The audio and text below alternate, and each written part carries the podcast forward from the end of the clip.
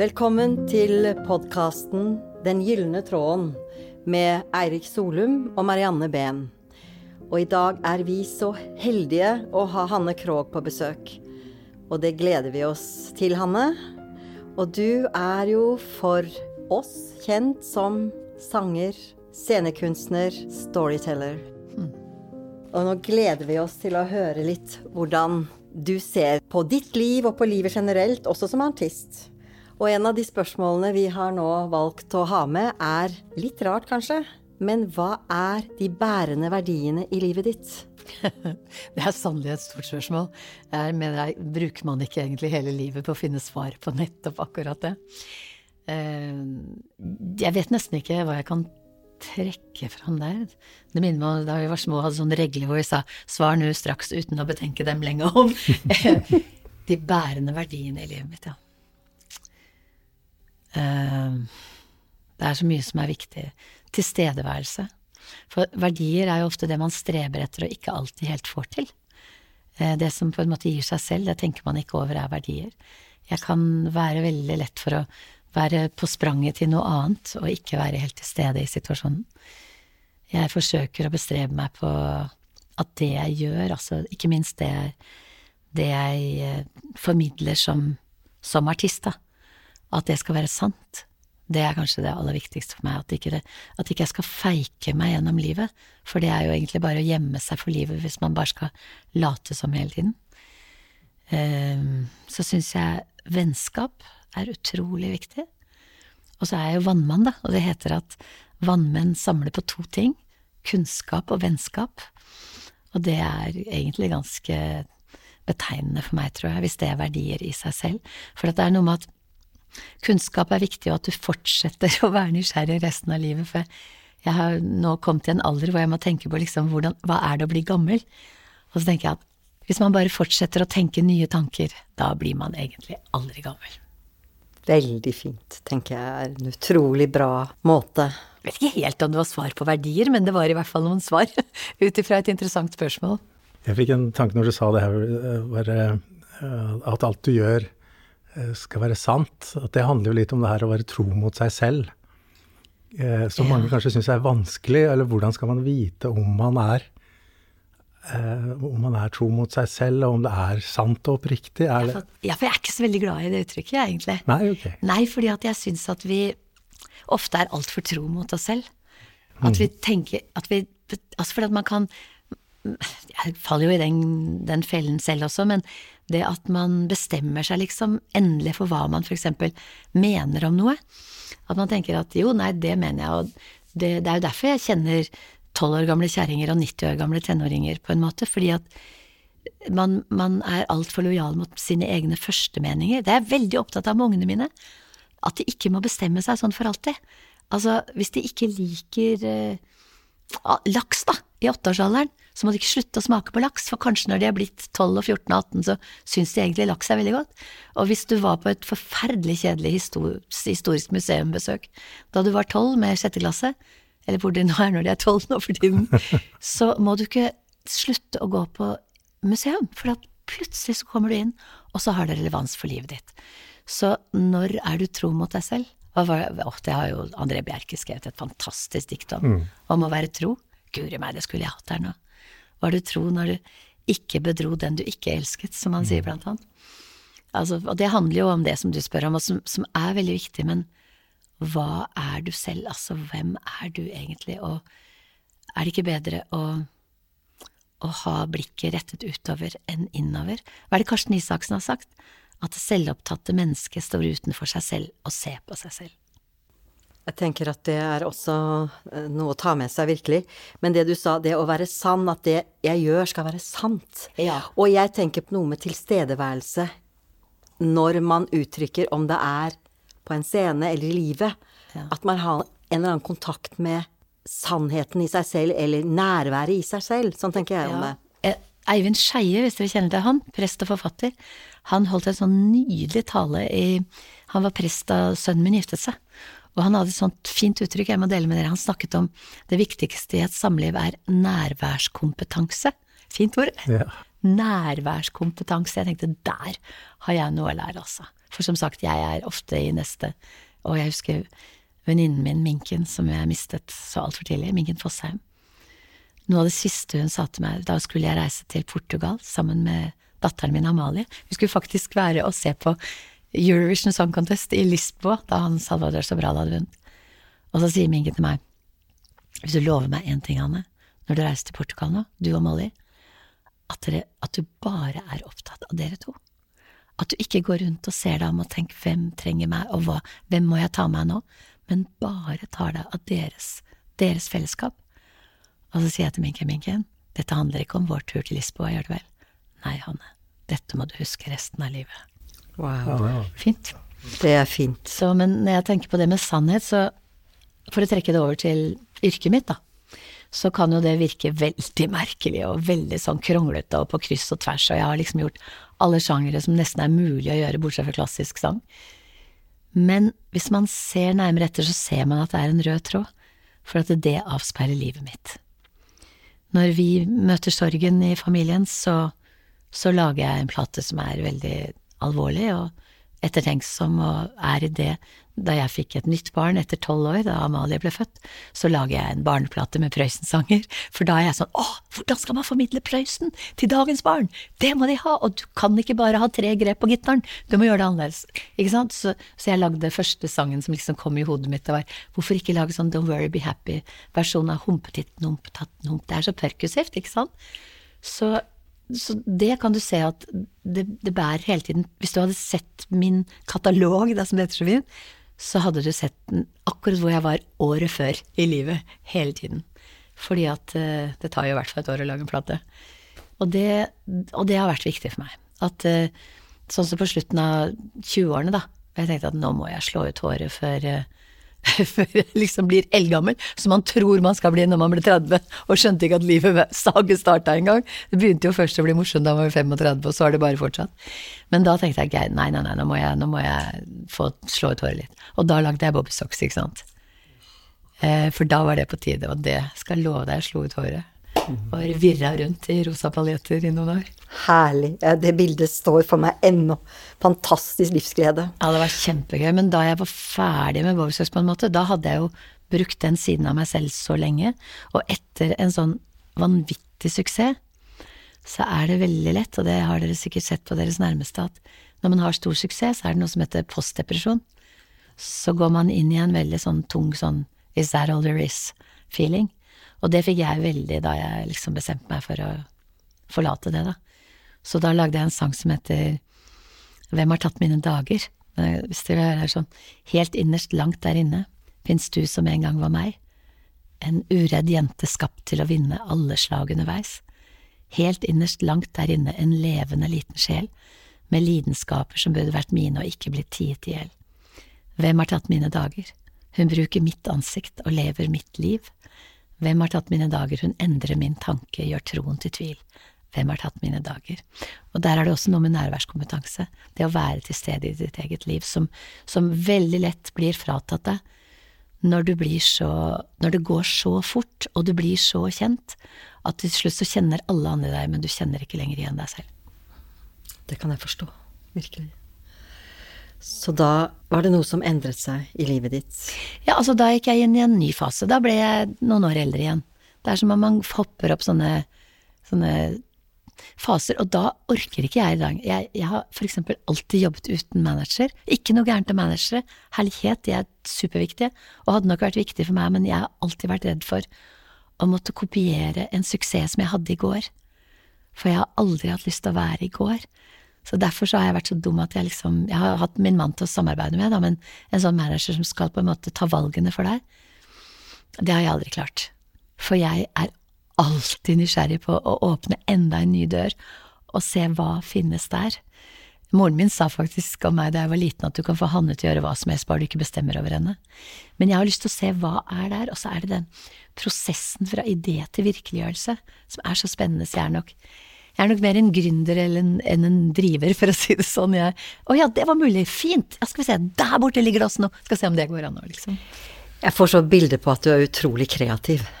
Det er, det er, nok det som er min kraft, tror jeg. Ja, virkelig. Det er gøy å få nøye der, og hvis jeg får ideer, så er jeg bare opptatt av at det skal få bli til virkelighet. Jeg behøver ikke være den som står på scenen og får applausen for det heller. Jeg syns bare det er så morsomt å skape. Men var det sånn, når du hadde den store suksessen og ville gå videre etterpå, eh, og kunne da oppleve som at den store suksessen både ga deg store muligheter og en slags begrensning, fordi folk har definert deg så veldig som Ja, jeg hadde jo gjort ting før det også, ikke Absolutt. sant. Du har hatt en Men, kjempelang eh, karriere. Jo da, du vet når du går fra liksom Sonja i Reisen til julestjerne inn i La det svinge, så er det jo mange Altså det er veldig lett å forveksle vennlighet og blidhet og, og glede med veikhet. Så det var nok veldig mange som fremdeles mener at jeg har samme IQ som skonummer. og jeg har, veldig små, jeg har veldig små føtter. Sønnen min har sagt det en gang, han sier at uh, moren min sier han er den jeg kjenner med aller lavest Hanne-Krogh-faktor. Men jeg følte vel av og til, kan si at hvis, for å svare litt mer alvorlig, at på det huset som var meg, så var det til tider et rosa neonlys som blinket så sterkt at resten av huset på en måte ble liggende i mørket. For Bobstocks var jo liksom bigger than life, da. Men fy filler'n så gøy vi hadde. Det må ha vært helt fantastisk. Ja, vi hadde det så gøy. Men det, det er liksom Det er en grense for hvor lenge du kan bli i champagnepartyet. Etter hvert så lengter du etter havregrøt og litt vann. Og er det ikke det også, med det store spennet som livet jo er?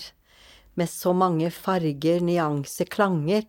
Ja, på en måte, når du deler det du deler nå, så er det sånn palett av mye Ja, det er liv. mye. Mm. Det har vært mye, og det er jo selvfølgelig, det er jo I det yrket som jeg har, så, så viser man kanskje først og fremst frem suksessen og gleden og eh, entusiasmen. Men det er klart at hvis ikke man har begge deler i seg selv, så Altså, livet består av lys og mørke, og, og ikke minst det å skape ting består av lys og mørke. Men jeg har lært én ting gjennom livet, at det eneste man kan være helt sikker på, det er at en dag kommer alvoret. En dag kommer sorgen til oss alle. Så jeg sier at vår plikt som mennesker er vel da kanskje å, å søke glede, og ta imot glede med åpne armer. Hva, hvordan enn viser seg for deg, om det er den dagen på stranden hvor du plutselig bare får det der intense øyeblikket at åh, ja, akkurat, akkurat nå, for lykken er jo bare akkurat nå. Den derre som kan være hva det kan være, en som smiler til deg på bussen, altså bussjåføren er hyggelig, eller det kan være at du vinner Grand Prix for den saks skyld. Men når gleden først viser seg, så ta imot den med åpne armer, for det er bare gjennom glede du kan hente styrke som du trenger den dagen alvoret er der. Det kan jeg virkelig dele. Har du lest det diktet av eh, André Bjerke som heter Til gjenmæle? Vet ikke, du er jo på alder med meg, men du er ikke det.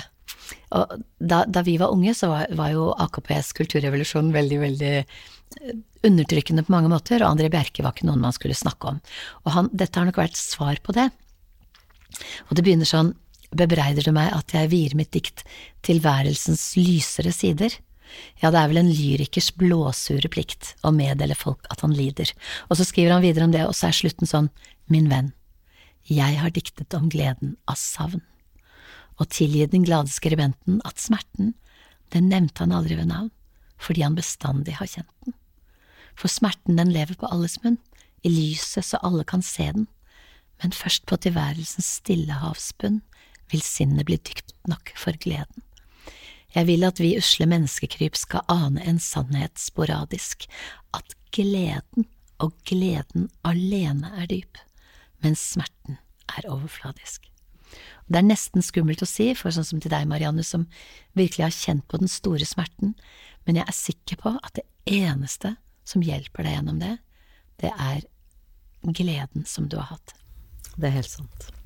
Det er det faktisk. Og jeg, jeg er litt redd for vår tid nå, hvor alle skal snakke om depresjonene sine, angsten sin.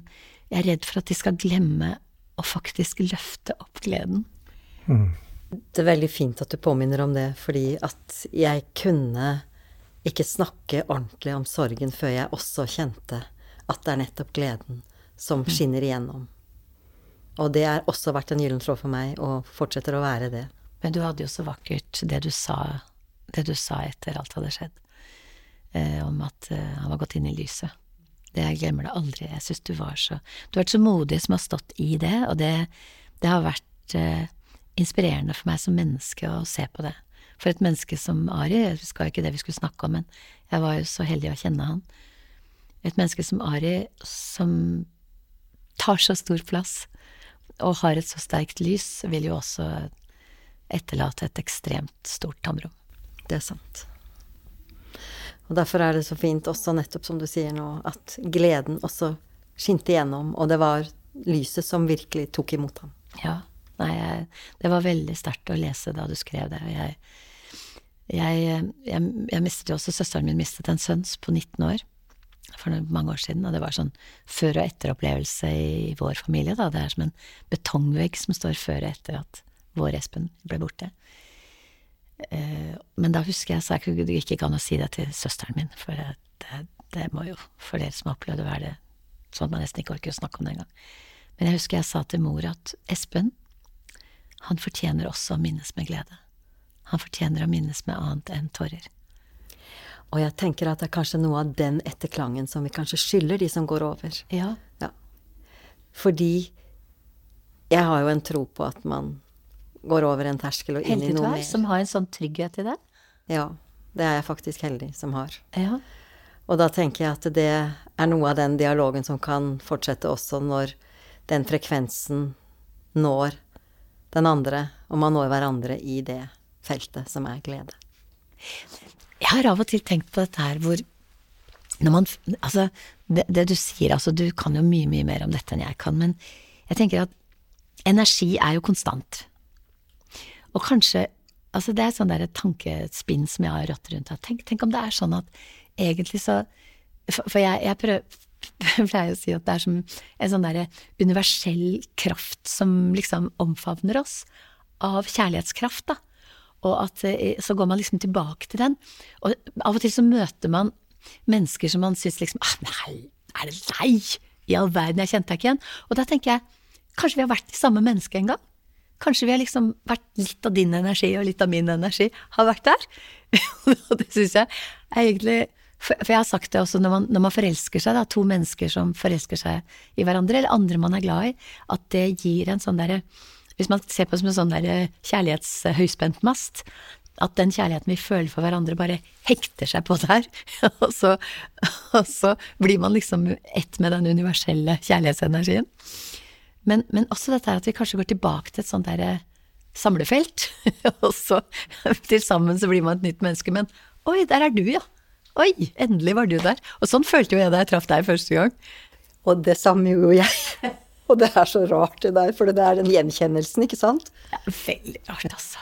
Da blir jeg nysgjerrig. Hvor, hvordan kjenner dere hverandre fra før? Vi kjenner ikke hverandre Dere gjør ikke det, men jeg vet ikke. Vi snakker jo som om vi har kjent hverandre i årevis. Ja. Skal jeg fortelle? Skal du fortelle? Altså, jeg var det var da Jan Thomas, eh, som er veldig god venn av meg, han hadde et, var det Happy Day eller et eller annet sånt med flere kjente mennesker, hvor han skulle liksom gjøre dem til det beste utgaven av seg selv, som han sier, skjønner Jan. Og så, og så skulle jeg, og en av frisørene hans var der, som jeg gikk til som het Kjetil, som var oppe på, på Vella sitt eh, anlegg, tror jeg, på Løren eller oppi der, et eller annet sted, samme søren. Og så ser jeg Marianne Behn på andre siden av en glassdør, ganske langt unna der jeg sto. Og vi begge to helt sånn automatisk, på likt, vinker til hverandre. Og så, og så sier Kjetil, min frisør, den gangen at kjenner du henne? Nei, ikke ennå, sa jeg. Og så kommer den som hadde gått sammen med Marianne, og så sier det var så rart, for jeg spurte Marianne Behn eh, kjenner du Hanne? Nei, ikke ennå, svarte Marianne. og vet du hva, det er den eneste gangen vi har truffet hverandre før i dag. Det er helt sant. Jeg tror en gang du sa hei på en konsert. Jo, jeg, jo, vi møttes på konserten da du mm. var her i Moss. Det gjorde vi faktisk. Men det var jo i farta. Det var i farta. Og Men jeg skal love deg, etter en konsert har ikke jeg mye nærværskompetanse. ja, nei. Er det livsveven som har brakt dere sammen? Det er nok sant. Noen mennesker er bare bestemt til å møte, tror du ikke det? Så det var på tide jeg traff deg. Ja, ikke sant. I Likeså. Ja, jeg kjente meg jeg er veldig enig i det du eh, snakket om i sted, at, at vi kanskje går tilbake til en sånn universell energi, eller et sånt felt hvor vi alle hører til, på en måte, eller hvor vi alle er litt forbundet. Er ikke det deilig å kunne tenke at Jeg vet ikke om det er sånn, men det, det kjennes litt riktig. Det tror jeg at det er sånn. Jeg syns det er veldig godt å mm, kunne skape seg bilder om det vi ikke vet. Eh, det er mm, Det er ingen downside i det. Eh, jeg ønsker også at sånn skal det være, og da kan jo jeg bare bestemme meg for det. Det er ingen som kan si verken for eller imot. Fordi jeg, jeg tror på dette her med Jeg har veldig lyst til å se Svein Tindberg sitt stykke som heter Gudspartikkelen. Har jeg veldig lyst til å se. Og jeg, jeg var ganske ateistisk helt fram til jeg var midt, på, midt i 30-årene. Eh, alltid visst at det var noe som er større enn meg, det har jeg alltid visst. Fordi, eller i hvert fall noe som ikke er definert. For jeg har så veldig sterk telepatisk mottaker. Eh, så dermed så har jeg alltid visst, når folk sier 'tror du på det', så sier jeg nei, det tror jeg ikke på, det vet jeg. Fordi jeg har hatt så veldig konkrete opplevelser av det. Som når folk har dødd som ikke har vært syke og sånn, jeg har alltid visst i samme øyeblikk. Eh, så, så, og nå, nå, i dag, når man er mer opptatt av kvantefysikk, så kan man jo også finne en vitenskapelig forklaring på det, og derfor er jeg veldig interessert i akkurat det. Var det ikke akkurat det du trodde Hanne Krogh var interessert i? Kvantefysikk? Jo, veldig.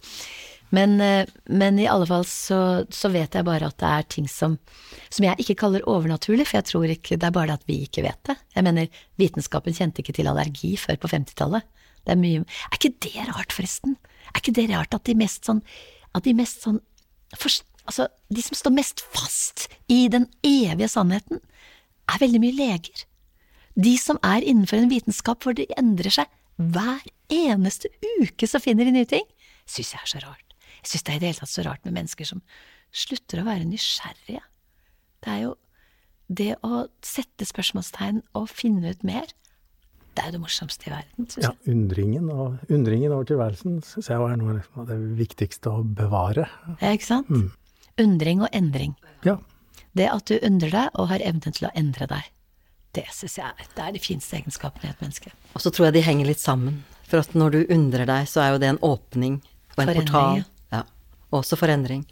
Og så tenker jeg litt det du sier med vitenskapen, det er litt sånn kjepphest som jeg har. Jeg tror heller ikke det er noe unaturlig eller overnaturlig. Jeg tror bare det er viktig at vitenskapen håper å si, henger med. Så når nå Jo. Så da blir det også lettere å kunne nettopp sette ord på ting som tilsynelatende føles som noe ikke sant eller unaturlig. For etter hvert som vitenskapen finner frem til nye metoder, så begynner man jo å se at det er Vi henger jo sammen. At det feltet som ikke man kunne måle tidligere, f.eks. hjertet vårt Hvis du måler energiene, så er det liksom veldig langt utenfor i en sånn radius rundt kroppene våre. Det kan de måle i dag. Mm.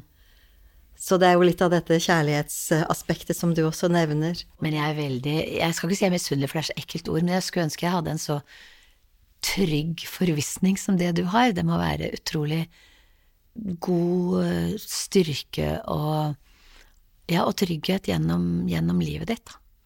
Det er, eh, men, det, men, det, der med menneskenes energiutstråling og aura, det, det, det tror jeg jo veldig på. At vi, at vi eh, får det fra andre mennesker. Jeg har alltid sagt når jeg går på scenen, så spiser jeg egentlig bare publikum sin energi. Eller I feed off, for å si det på et godt norsk uttrykk. Jeg føler meg aldri noe flink i TV-studio, jeg føler meg ikke noe flink i plassstudio, men jeg føler meg ganske trygg på scenen. Og det tror jeg handler om at jeg har et publikum der. Jeg, jeg har fryktelig mye energi i meg, og jeg, eller sånn, kan kanskje ta litt stor plass, så jeg bruker veldig mye krefter på å holde den, holde meg sjøl litt nede for ikke å overta. Men når jeg går på scenen, så kan jeg pff, slippe det løs. Og da det, da får jeg bare energi fra publikum, og så går det gjennom meg, og så er jeg en katalysator for folks egen energi, og det bare er en sånn strøm. Så hvis det er en god dag, så er det sånn å være i flyt, som det heter på, ikke sant, the flow.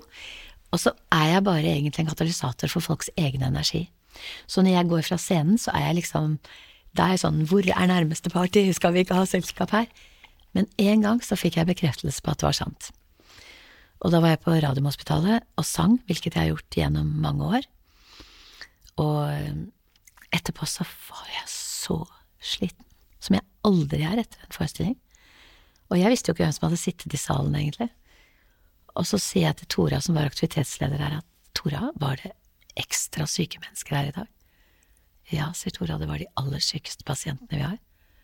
Så sa jeg, var det ingen pårørende? Nei, ingen pårørende. Og da forsto jeg det. Og da forsto jeg at det faktisk var helt fysisk sant. At det er energi som du får fra folk. Men der satt det mennesker som hadde nok med å opprettholde livet, så de hadde ingen energi å gi bort. Og jeg så det på moren min òg, da moren min ble, fikk kreft og ble liggende egentlig for døden i to år.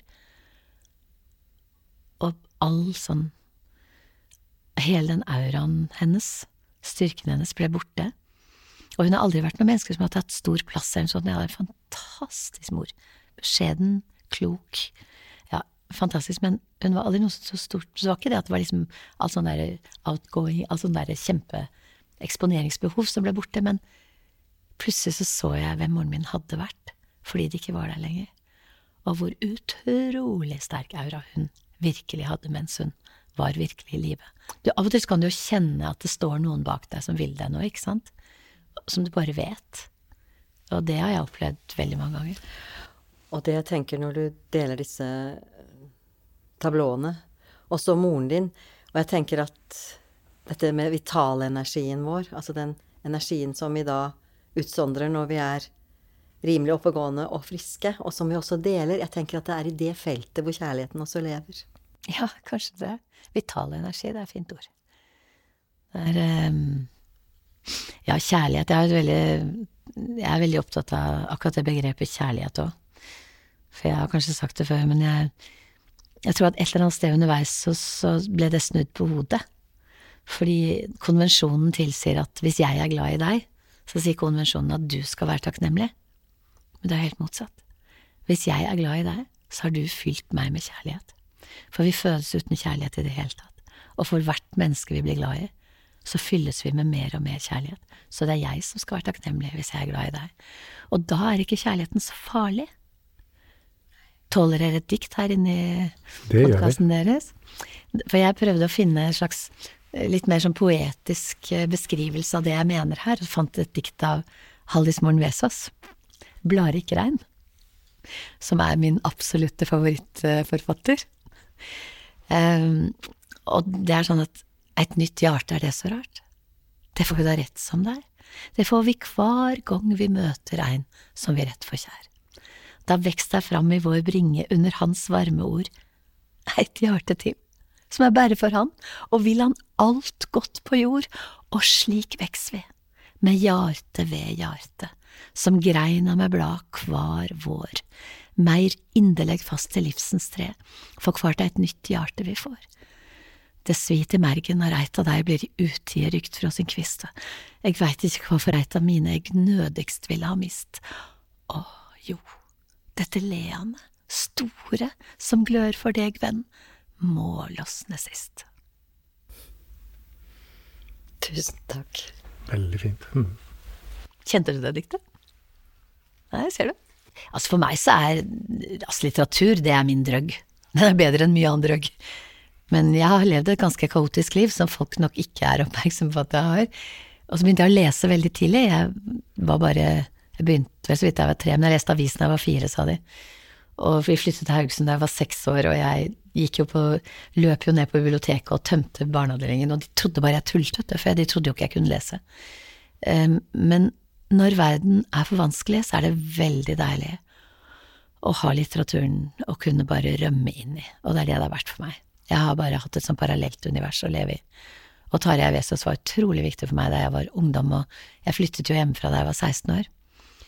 Og han kunne beskrive barnesinn og ungdomssinn så fantastisk. Og etter at jeg ble voksen, så var det Hallismoren Vesaas som, som virkelig skrev for, altså, som, kvinne, som en kvinne tenker det tar litt lengre tid før du skjønner lyrikk. Du må liksom ha sånn erfaringsmothaker i kroppen for at lyrikken skal henge seg fast. Så det, jeg skjønner godt at man ikke er like opptatt av det når man er ung, men for meg så har altså litteraturen nesten tatt litt overhånd. Så jeg husker jeg sa til noen venninner en bursdag nei, nå folkens skal jeg slutte å lese og begynne å leve. For jeg har, jeg kan, jeg har kunnet gå inn i i sånn parallellverden og være der i måneder av gangen når livet ellers har vært for tøft. Da har jeg rømt inn der. Og det kan jeg virkelig dele, det du sier der. Og apropos, nå er jeg også så godt voksen, så vi hadde faktisk, når jeg var i ungdomstiden, vise- og lyrikkaftener. Hadde dere det? Vi hadde det i Halden. Ja, Så kult. Det var kjempekult. Jeg gikk på dramalinjen med Nei, engelsklinjen med drama og lyrikk, da da jeg gikk på Nissen og flytt, jeg flyttet til Oslo for å gå på Nissen. Så det var litt lyrikk der òg. Ja, det var gøy. Men jeg skjønner lyrikken bedre nå, da. Så hadde dere det? Så kult, da. Vi hadde det. Og det, det praktiserte vi også ganske ja, jevnt og trutt, hvor vi kom opp og leste dikt, og de som kunne spille gitar og synge, gjorde det. Så vi møttes på den måten på fredagskveldene særlig. Ute. Men det er ganske viktig å huske at all kultur har to hensikter.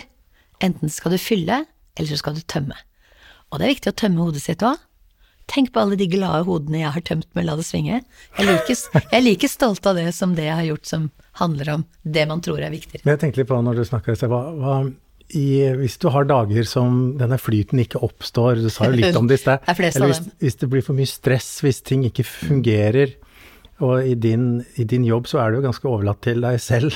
Eh, deg selv er ditt arbeidsredskap. Hva gjør du på hvis, hvis uh, motgangen blir stor? Og, og, Stress, f.eks.? Nei, altså jeg leser jo da, selvfølgelig, mm. men uh, stress er jeg flinkere til å takle. Um, og jeg tror, jeg tror, at det eneste måten å takle stress er å konsentrere seg om det du kan gjøre noe med. Og har du vært på turné i så mange år som jeg har vært, så vet du at det oppstår problemer hver eneste dag. Og du må faktisk konsentrere deg om din oppgave, og så må du ha tillit til de andre menneskene rundt deg, at de kan sin jobb. Jeg husker en gang vi var i, i Bø i Lofoten og hadde en, en kirkekonsert hvor lyset plutselig går. Og da har jeg én oppgave. Da, da, går jeg bare, da går jeg bare ut i midtgangen, så begynner jeg å være standup. Og jeg sa ingenting til lydmannen. Og jeg lot han holde på. Jeg spurte ikke engang hvordan går det. Og så etterpå så sa han jeg har vært like lenge i bransjen som deg, og det er første gang at noe sånt har skjedd, og ikke artisten har begynt å mase. Så sier, men jeg kan ikke lyd. Du kan lyd. Jeg er her for å underholde, det var min oppgave. Og det er det veldig viktig å huske på. At du må faktisk gi tillit til de menneskene rundt deg, at de gjør det de kan, og du må gjøre det du kan. Som en venninne av meg ringte og sa at uh, vi, snakket på telefon, så sa jeg vet du, nå må jeg stikke, for jeg skal ha konsert i kveld. Å ja, hvor skal du hen? Jeg skal ha konsert på Røros, jeg. På Røros? Hvor langt er det til Røros? Ja, det er litt over 40 mil. Ja, men liksom, ja, hva, ja, nei, jeg skal kjøre. Ja, men hvordan kan du kjøre til Røros? Vet du hva jeg gjør, jeg? Jeg setter meg i bilen, og så kjører jeg 40 mil. Og det er noe med det å akseptere at sånn er det. Jeg skal kjøre 40 mil, da kjører jeg 40 mil. Da sitter ikke jeg og stresser over at noen kanskje kjører sakte foran meg eller sånn. Ta deg god tid. Jo mer stressa du er, sørg for at du har god tid. Ellers så går du inn i helikoptersmien. Og det høres ut som jeg er liksom så overlegne nå, for jeg, jeg, kan ha veldig mange tunge dager. Og jeg har jo veldig legning for grubling og depresjon, egentlig. Og det har jo preget livet mitt i veldig mange deler av livet. Men det er noe med det å søke glede når Det er da vi trenger å tømme hodet vårt. Det er da jeg leser junkfood-bøker istedenfor. Som eh, som, eh, som, som, bare skal gi meg livslyst igjen. Da kommer du tilbake til det med å søke, søke glede, og det um, det er noe som vi kanskje kan bli flinkere til, nemlig det å prøve å ta ansvar for egen glede, holdt jeg på å si, og, og vite hva som gir oss selv glede, og prøve å legge til rette for at man får noen øyeblikk da, av ja, glede, fint. kanskje. Det du sier der er fint. Jeg kan bli veldig glad av å høre på musikk. Ja, så bra. Og en så, ja, litt sånn bit Jeg ser for meg liksom Litt sånn Bobbysocks-biten, ikke sant. Den biten som på en måte også kan heve meg ut. Og nå plutselig tenker jeg litt på jeg hører litt på Gypsy King. Når jeg, jeg føler at jeg har en sånn dag hvor jeg på en måte der alt der går litt sakte og litt mellow, ja. så bare kommer den biten på, det er bare Yeah! Da klarer jeg jo ikke å bli værende i den litt trauste Nei. downroad spiral, så da er det noe som gir meg livet tilbake.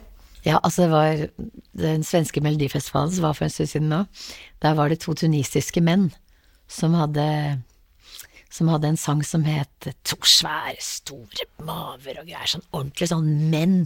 Du ser at de er så jorda som det går an å bli. Og de sang en sang som het Inn i dimman. Vi skal danse, vi skal, vi skal leve. Det er sånn, ikke sant. Og jeg blir altså så Jeg får så livsmot av den sangen inn i dimman. Jeg mener ikke at man skal gå inn i dimman, jeg mener faktisk akkurat det motsatt. At vi skal gå ut av tåka. Og ut i lyset og ut i livet, og vi skal leve. Det er som det der, vet du, du sier at ja, vi skal dø, vi skal alle dø en dag, men alle andre dager skal vi leve. Og det er så viktig å huske, og det må, det må vi slåss for. Og det handler ikke om overfladiskhet, Det handler om det motsatte av overfladiskhet. Akkurat sånn er det. Et spørsmål som vi har kommet inn på i de forrige podkastene vi har lagd, er jo også det her med hvilke avgjørende vendepunkter man har hatt i livet. Det kan jo ha vært mange, men har du noen sånne? Jeg er så gammel, jeg vet du, at det har Ja, blitt veldig mange det. Ja, altså det kommer an på Det er jo ytre og indre vendepunkter, på en måte. Eh, altså foreldrene mine ble skilt da jeg var fem-seks år. Det er et veldig stort vendepunkt når faren din plutselig forlater deg. Eh, vi flyttet fra Lambertseter til Haugesund da jeg var ganske liten. Det er et stort vendepunkt. Du skal forholde deg til noe annet. Eh, mange ting Det som man tror kan være tøft, kan også bli bra. Vi flyttet sammen seks kvinner på to rom og kjøkken. Eh, Absolutt. Jeg skjønte ikke før jeg ble voksen hvor fattige vi virkelig var.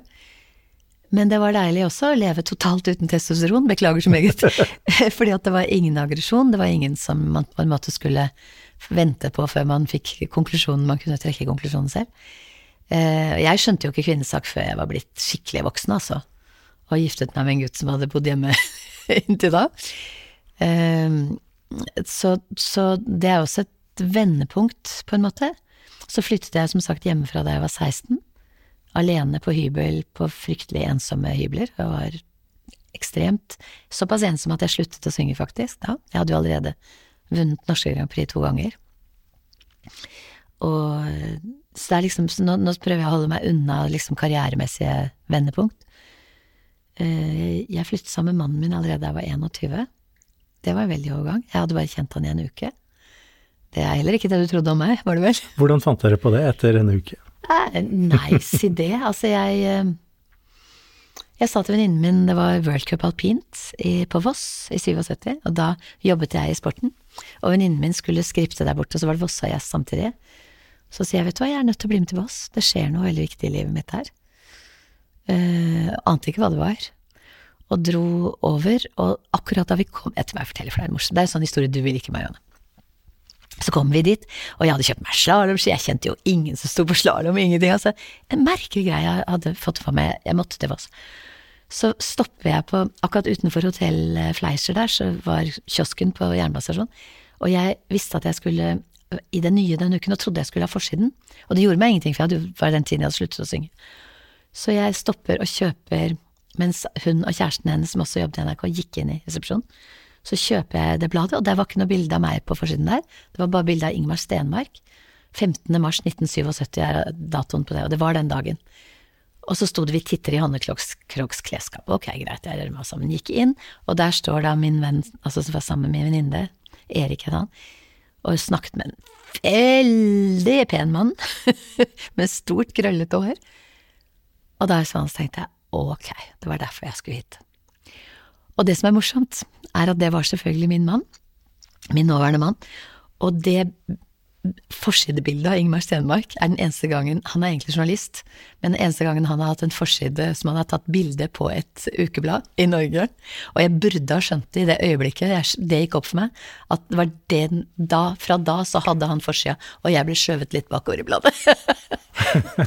men så var vi der en uke, og så hadde han skrevet i en liten sånn syvende sans at eh, telefonnummeret sitt, ring hvis du vil.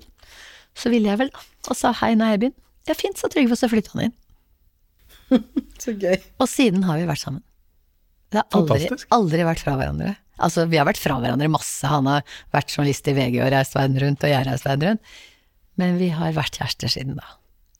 Og det er klart at livet kan jo være ganske vanskelig, og vi går jo alle gjennom et så kaotisk liv som vi har levd. Og jeg tenker at av og til så jeg kunne vel kanskje funnet på godt, eller han også for den saks skyld, at vi kunne gått fra hverandre. Hvis vi bare hadde hatt tid. Og i dag er jeg så glad at vi ikke hadde tid.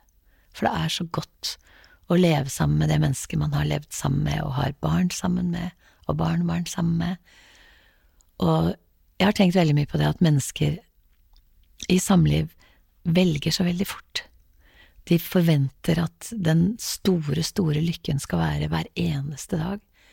Og så skjønner man først når man blir voksen at det er de andre dagene som ikke er så plagsomt lykkelige, de som bare er hverdager, at de er så fine, og at vi må, vi må lære oss å puste litt, da, så man tenker at wow, nå ta deg tid. la det gå noen måneder. Ikke tenk på det som det viktigste, skal, skal ikke gå eller bli. Altså bare tenk på noe annet en stund, og la fasen gå videre, for vi går gjennom faser hele tiden. Og jeg er utrolig takknemlig for at vi fremdeles deler livet vårt. Det var en veldig fin uh, måte å si akkurat det på. Og jeg tenker også at hverdag, mens du deler nå, så tenker jeg at disse hver dag, mm. hvor man fyller med livet på en måte, da. Og den tryggheten som det er å ha et menneske som har kjent deg gjennom så mange faser. Ja, de som ser alle de som går ved siden av deg. De, ja, det er sånn med unge, altså venner fra ungdommen nå, som ser alle de Marianne du kunne ha blitt, om du ikke hadde blitt akkurat den du ble. Den gangen vi hadde, hadde flere å velge mellom, ikke sant? Og jeg var akkurat sammen med noen av vennene mine i Haugesund da jeg var der akkurat på en jobb nå. Og de, de vet at ja, jeg kunne ha blitt språkforsker hvis jeg ville, for eksempel. Altså, de ser alle de meg som ingen andre ser nå. De ser bare den artisten jeg ble. Og de menneskene er så utrolig verdifulle. Eh, og du vet at da satt vi rundt bordet, og vi var alle sammen like gamle. Og jeg ser jo bare de tiåringene som jeg traff den gangen da jeg traff alle dem. Første gang. I femte klasse på, eller elleve var vi kanskje, femte klasse på Rossabu skole. Det er jo dem. Jeg ser jo, ser jo de. Ser alle de, kun, de, de kunne vært også. Og det er, eh, det er godt å ha gamle vennskap altså. Og det er godt å ha levd med et menneske et helt liv. Jeg føler meg veldig privilegert som har fått lov til å gjøre det. Ja, virkelig. Hanne, det har vært utrolig fint å få dele denne stunden med deg. I like måte. Du har gitt mange visdomskorn inn i denne podkasten, føler jeg. Veldig takknemlig for at dere inviterte meg hit. Altså så utrolig fint, og med utsikt til sjø og sånne bare grener på disse trærne. Det er det vakreste jeg vet, nesten. Det er sånne flotte trær som står med masse grener uten blader på. Det er, det er, som, det er som, Ja, det er virkelig naturens egen, eget kunstuttrykk. Å få lov å være her ute og oppleve det, og få lov å møte dere to. Jeg føler at jeg har snakket altfor mye, men jeg er veldig takknemlig for å ha fått lov å være sammen med dere og tenke, tenke tanker og svare på spørsmål som man kanskje veldig sjelden stiller seg selv. Mm. Det hadde vært en veldig fin, fin stund. Tusen takk.